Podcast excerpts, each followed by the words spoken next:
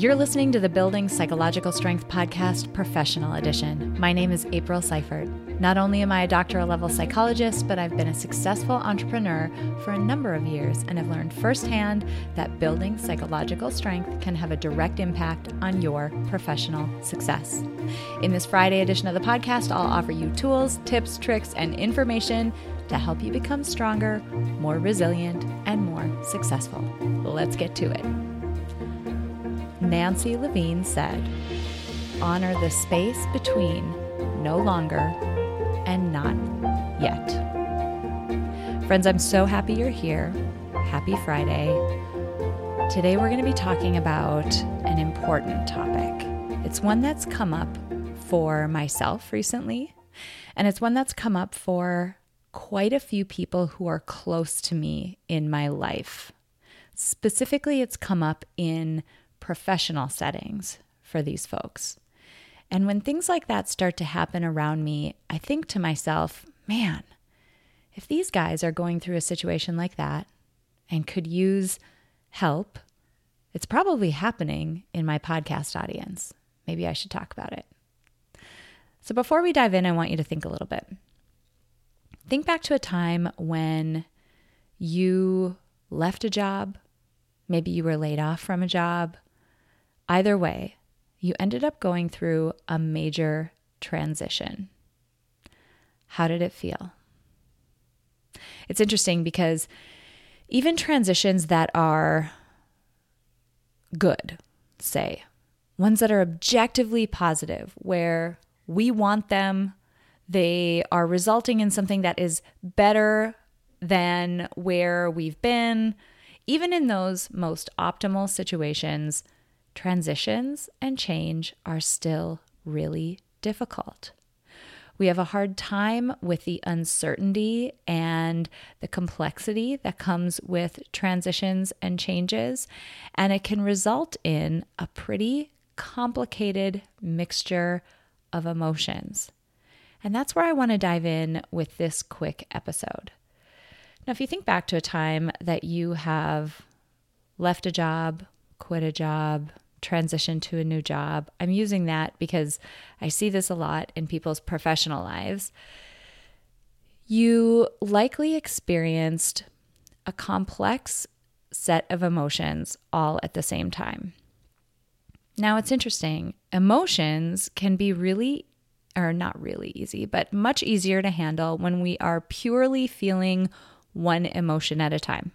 When we are purely happy, about something or feeling optimistic, or even when we are just purely angry about something. That single emotion, experienced one at a time, is so much easier for us to handle and to understand and to support ourselves through.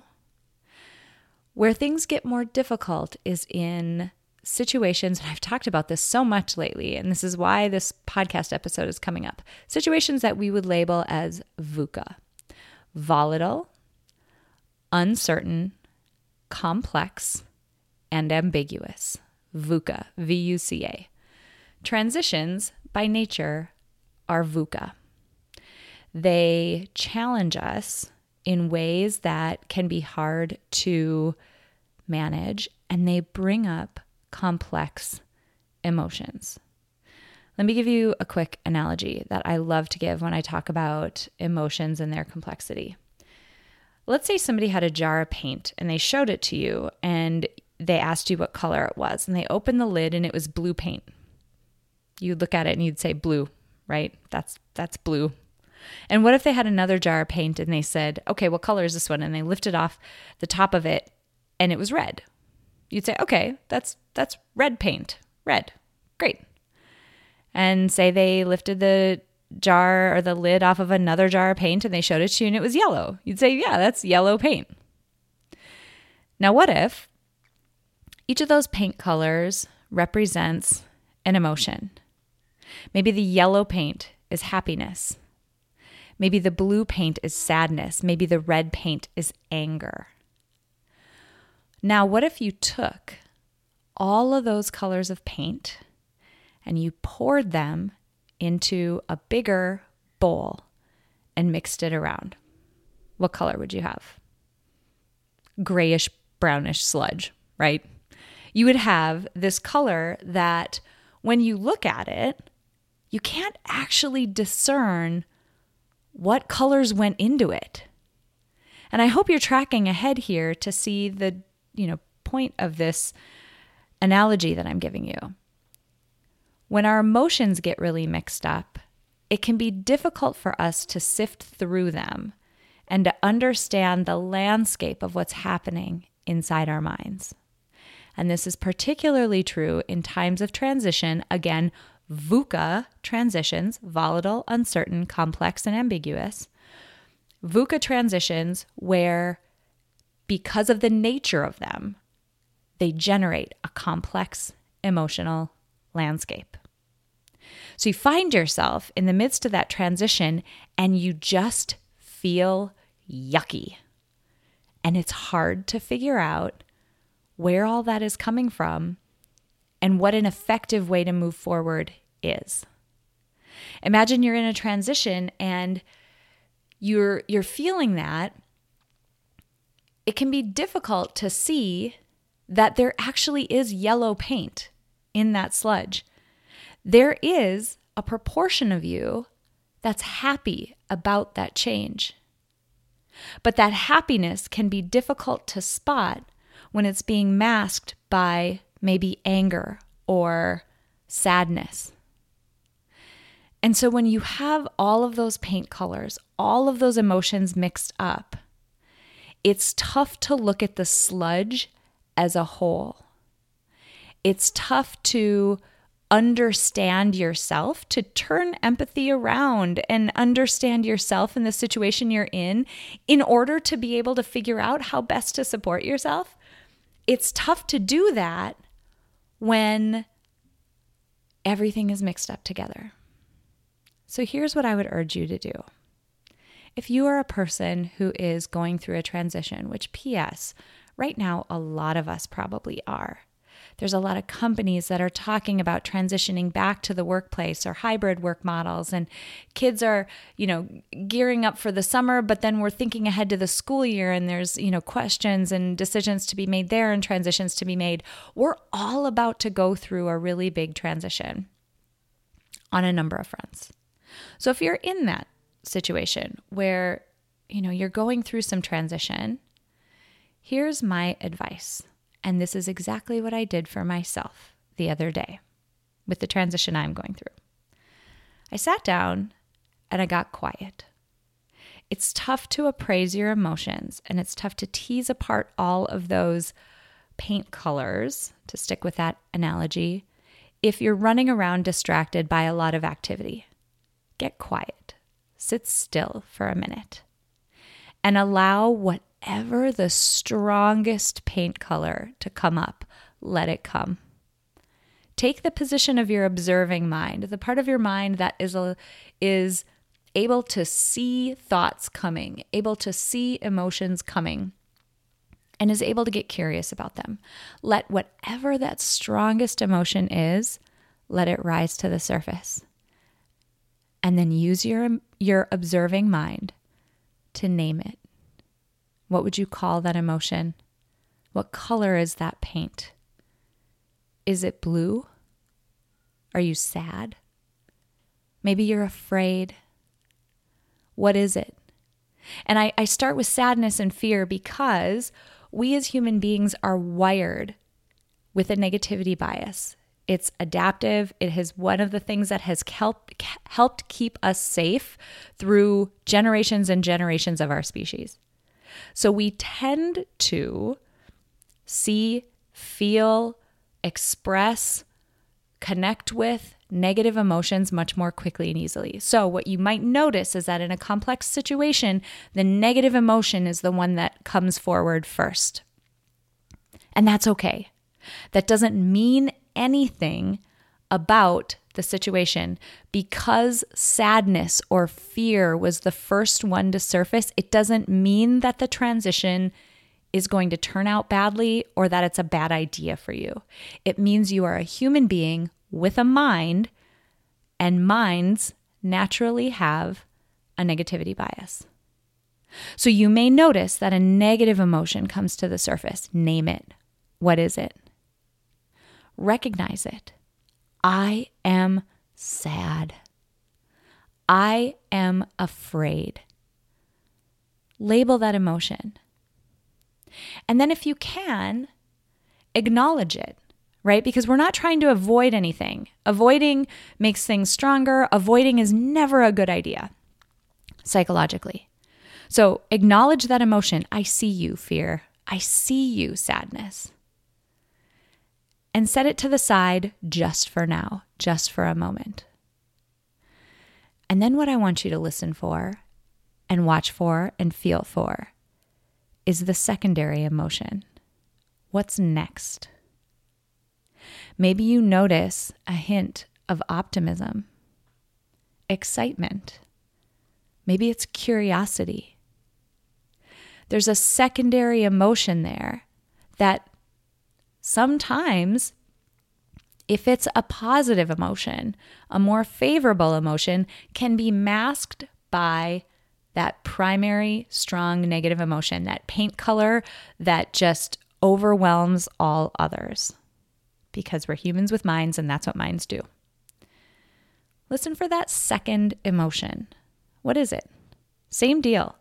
Step into your observing mind, get curious about it, and label it. Label it specifically, even more specific than just being happy about something. Happiness is a steady state thing. It's a here and now, in which maybe that is very accurate to how you're feeling, but maybe you're future casting a little bit. Maybe you're feeling optimistic, a future looking version of happiness. Get as specific as you can. And if you need examples of this, go to Google real quick, go on your phone real quick, and Google uh, emotion wheel You'll see wheels with a bunch of different emotion labels on them, and you can kind of calibrate by moving one direction or the other on this wheel and moving out further on the wheel to get more specific about how you might be feeling. If you need labels, go there because sometimes it's hard to remember them. We always, we're so knee jerk to say, I'm feeling good or I'm feeling bad, and good and bad aren't emotions. So label that secondary emotion. Say it, acknowledge it. I'm feeling optimistic. And you may notice in that moment that alarm bells start to go off, right? That first paint color is like, no, no, no, you don't feel optimistic. You feel afraid. You feel sad. That's okay. Again, that is our mind's natural tendency trying to protect us because optimistic people don't necessarily survive out in dangerous situations, right? If that happens, acknowledge it. Yep, you're right. I am sad. I am afraid, but I am also optimistic. We are complex people. We have complex emotional landscapes. And what's interesting about transitions is that most of the time, the paint color is that brownish gray. It's a combination of both positive, negative, favorable, unfavorable, desirable, and undesirable emotions all mixed together in one pot. But how much easier is it to go through a transition when you can focus on one paint color at a time? Again, not to ignore any of them, not to ignore the fact that, yes, you are afraid. But the way that you care for yourself when you are afraid might be slightly different than the way you care for yourself when you are sad. And that is certainly different than the way you engage with yourself when you are happy or optimistic. And so, if you can tease those emotions apart, if you can understand the complex landscape of emotions that you're feeling at that moment, you're in a much better position to support yourself through that transition and moment by moment recognize when you're feeling one or another or all of them at the same time you'll be in a better position to move through that with some psychological strength, from a strong position, from an intentional position. That's my advice on moving through transitions. And I can assure you, I'll share more details later when I'm ready to. But that is the advice that I personally am taking as I move through this one of my own. All right, friends, before I go, I recently introduced you to the Blinkist app, which takes some of the most influential, most valuable nonfiction books and gist them down into 15 to 20 minute summaries.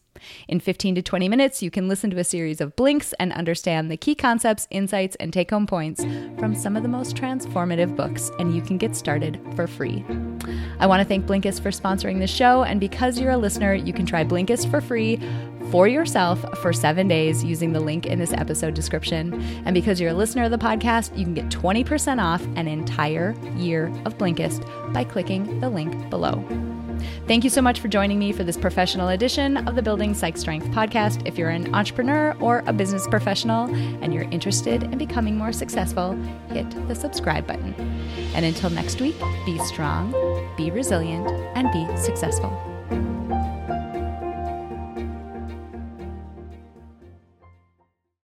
At Parker, our purpose is simple.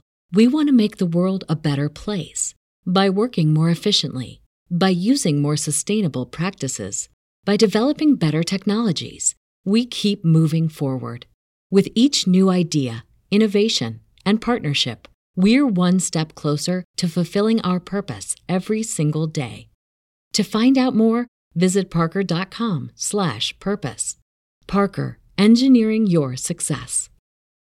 As humans, we're naturally driven by the search for better. But when it comes to hiring, the best way to search for a candidate isn't to search at all. Don't search, match with Indeed. When I was looking to hire someone, it was so slow and overwhelming. I wish I had used Indeed. If you need to hire, you need Indeed. Indeed is your matching and hiring platform with over 350 million global monthly visitors, according to Indeed data, and a matching engine that helps you find quality candidates fast. Ditch the busy work. Use Indeed for scheduling, screening, and messaging so you can connect with candidates faster. And Indeed doesn't just help you hire faster. 93% of employers agree Indeed delivers the highest quality matches compared to other job sites, according to a recent Indeed survey. And listeners of this show will get a $75 sponsored job credit to get your jobs more visibility at Indeed.com slash podcast. That's Indeed.com slash podcast. Terms and conditions apply.